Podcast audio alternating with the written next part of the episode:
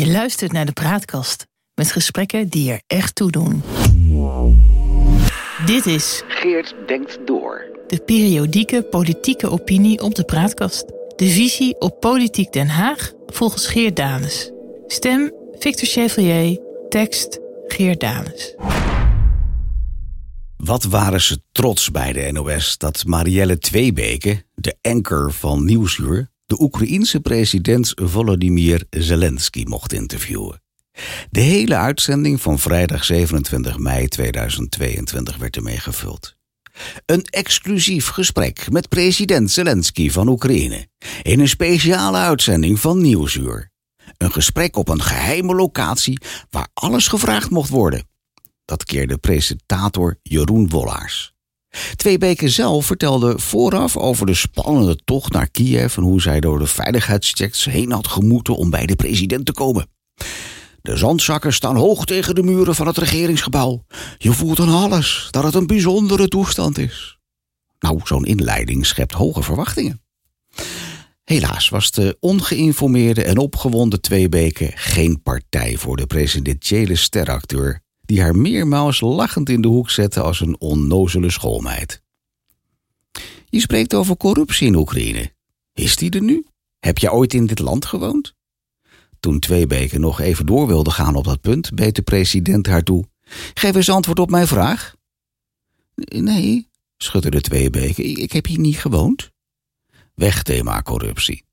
De nieuwswaarde van wat een hoogst interessant gesprek had kunnen worden, was nul. Of het moet zijn dat de bejubelde Marielle Tweebeke ook maar een amateur is als het er echt op aankomt. Het begon al met een tenenkrommend videootje dat Tweebeke op Instagram postte vanuit de trein van Lviv naar Kiev. We zitten al wat uurtjes in de trein, dit duurt negen uur, sprak de Floortje Dessing van de NOS, terwijl ze zich liet filmen gezeten achter haar laptop, af en toe diepzinnig starend naar het voorbijtrekkende Oekraïense landschap. Had er zelfs een suave bril voor opgezet. We zijn op weg naar een gesprek met president Zelensky. Hij zegt we kunnen winnen, maar is dat ook echt zo? Hier was niemand minder aan het woord dan de Nederlandse Oriana Fallaci, de in 2006 overleden legendarische Italiaanse journaliste die de grote der aarde interviewde en tot opmerkelijke ontboezemingen bracht.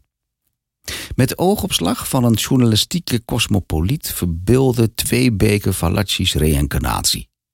Het verschil is dat Fallaci een zeer belezen kenner van de wereldpolitiek was en daarmee bij haar gesprekspartner, of dat nou Henry Kissinger, Ayatollah Khomeini of Deng Xiaoping was, gezag afdwong.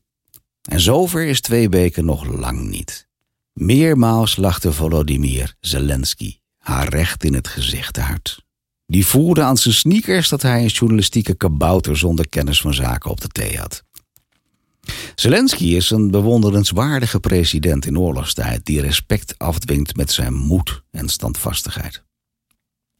Ze zeiden tegen me: Je moet weg uit Kiev. Binnen drie dagen ben je dood. Maar ik heb kinderen aan wie ik een voorbeeld moet geven. Je kunt op verschillende manieren in het leven staan, maar niet als verrader. Hoe indrukwekkend de man ook is, het mag geen reden zijn om hem onweersproken propagandistische verhaaltjes te laten verkopen.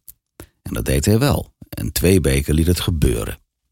Door gebrek aan kennis of tekortschietend talent om op dit niveau te interviewen. Of beide. En kennelijk voerde Nieuwsuur aan dat de reporter zich in het pak had laten naaien. Aan tafel in de studio zat Rusland- en Oost-Europa-expert Bob Deen van het onderzoeksinstituut Klingendaal. En telkens als Zelensky een controversiële of twijfelachtige bewering deed en twee beken hem geen tegengas bood, werd het interview even stopgezet voor een noodzakelijke correctie door de studiogast. Zo beweerde Zelensky zonder blikken of blozen dat 62% van de Nederlanders voor toetreding van Oekraïne tot de Europese Unie is. En dat cijfer hanteerde hij in een redenering dat premier Rutte niet anders kon dan een warm pleitbezorger te zijn van zo'n EU-lidmaatschap, omdat hij nu eenmaal gekozen is om de wil van het volk uit te voeren. Geen enkele poging deed Tweebeke om de president te laten inzien dat politieke leiders er niet zijn om klakkeloos te doen wat het volk zegt te willen en tot welke uitwassen een dergelijke bestuurlijke opvatting in de geschiedenis heeft geleid. Nog erger werd het toen Been in de studio de herkomst van die 62% toelichtte. Want dat was de optelsom van de 25 mensen die eens antwoorden op de stelling: Oekraïne moet in de EU. En 37% die invulde neigt naar eens.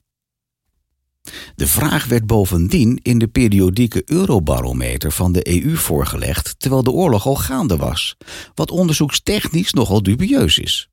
Het ergste was dat Zelensky verzuimde te melden dat de volledige stelling luidde: Oekraïne moet toetreden tot de EU zodra het daar klaar voor is.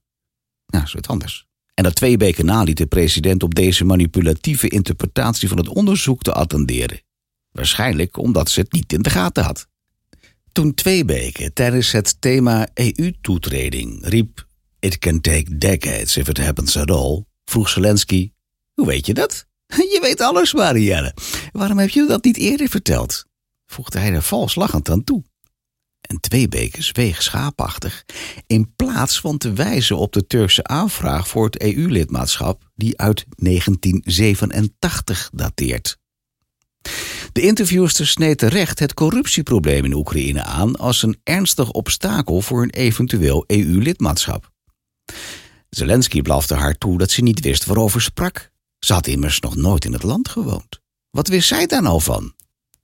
Officiële rapporten zeggen, probeerde Tweebeke, die meteen door een geïrriteerde president werd onderbroken met een verhaal dat de Russische Federatie ook officiële rapporten heeft, die stellen dat er in Oekraïne veel nazi's wonen. Dus wat stellen officiële rapporten nou helemaal voor? Een immense belediging voor de onderzoeken van gerespecteerde instituten als Transparency International en de Europese Rekenkamer, de ESA. Het Estse lid van de ESA, Johan Parts, heeft nog maar een half jaar geleden uitgebreid bericht over de miljarden Europees geld voor steun aan de economische ontwikkeling en opbouw van de democratische rechtsstaat die verdwenen zijn in de zakken van corrupte Oekraïners.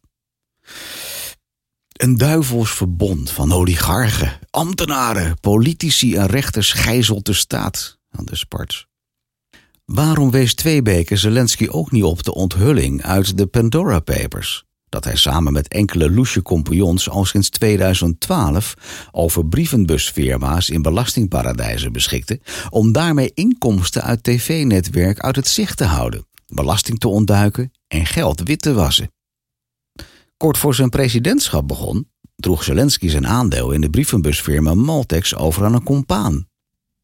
Later bleek dat Zelensky's echtgenote nog immer dividend van Maltex ontving. Twee weken zweeg erover. Was ze bang in Kiev op straat gegooid te worden of wist ze dit niet? Zelensky barstte in een bulderende lach uit toen uh, Twee Beken hem vroeg of hij, van origine Russisch-talig en ooit woonachtig geweest in Moskou, nog wel Russisch wil spreken. I can speak any language I want. Talen worden niet verboden in ons land, ook niet het Russisch, al dus de president. Oh nee. In 2019, nadat Zelensky al was gekozen, werd met overgrote meerderheid een wet aangenomen die het Oekraïens verplicht stelt als staatstaal voor alle inwoners van het land, waar bijna een derde helemaal geen Oekraïens spreekt. Alleen in huiselijke kring en in de kerk mag nog Russisch gesproken worden, zegt de wet. Het was weliswaar nog een project van Zelensky's corrupte etnocentristische voorganger Pedro Poroshenko en van handhaving is vooralsnog niet gebleken. Maar waarom counterde Tweebeke die bulderende lach niet met wat scherpe vragen over de wet?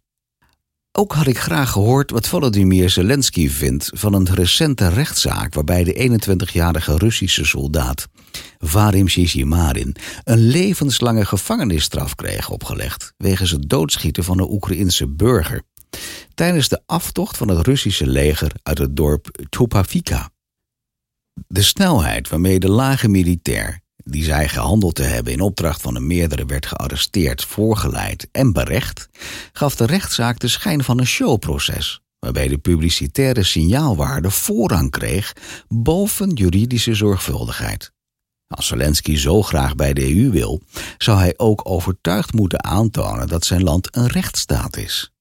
En daarbij passen geen showprocessen vol emotionele betrokkenheid van vonnissende rechters, hoezeer de daad van de jonge soldaat ook afschuw wekt. Bij een EU-lidmaatschap past ook niet de virulente LHBTI-haat die al menige homoseksueel, transgender of lesbienne heeft toen besluiten het land te ontvluchten. Gender-based violence remained widespread. Dat schrijft Amnesty International in het eh, landenrapport 2021 over Oekraïne. En dat geweld komt niet alleen van burgers, maar ook van de politie en militairen en blijft veelal onbestraft.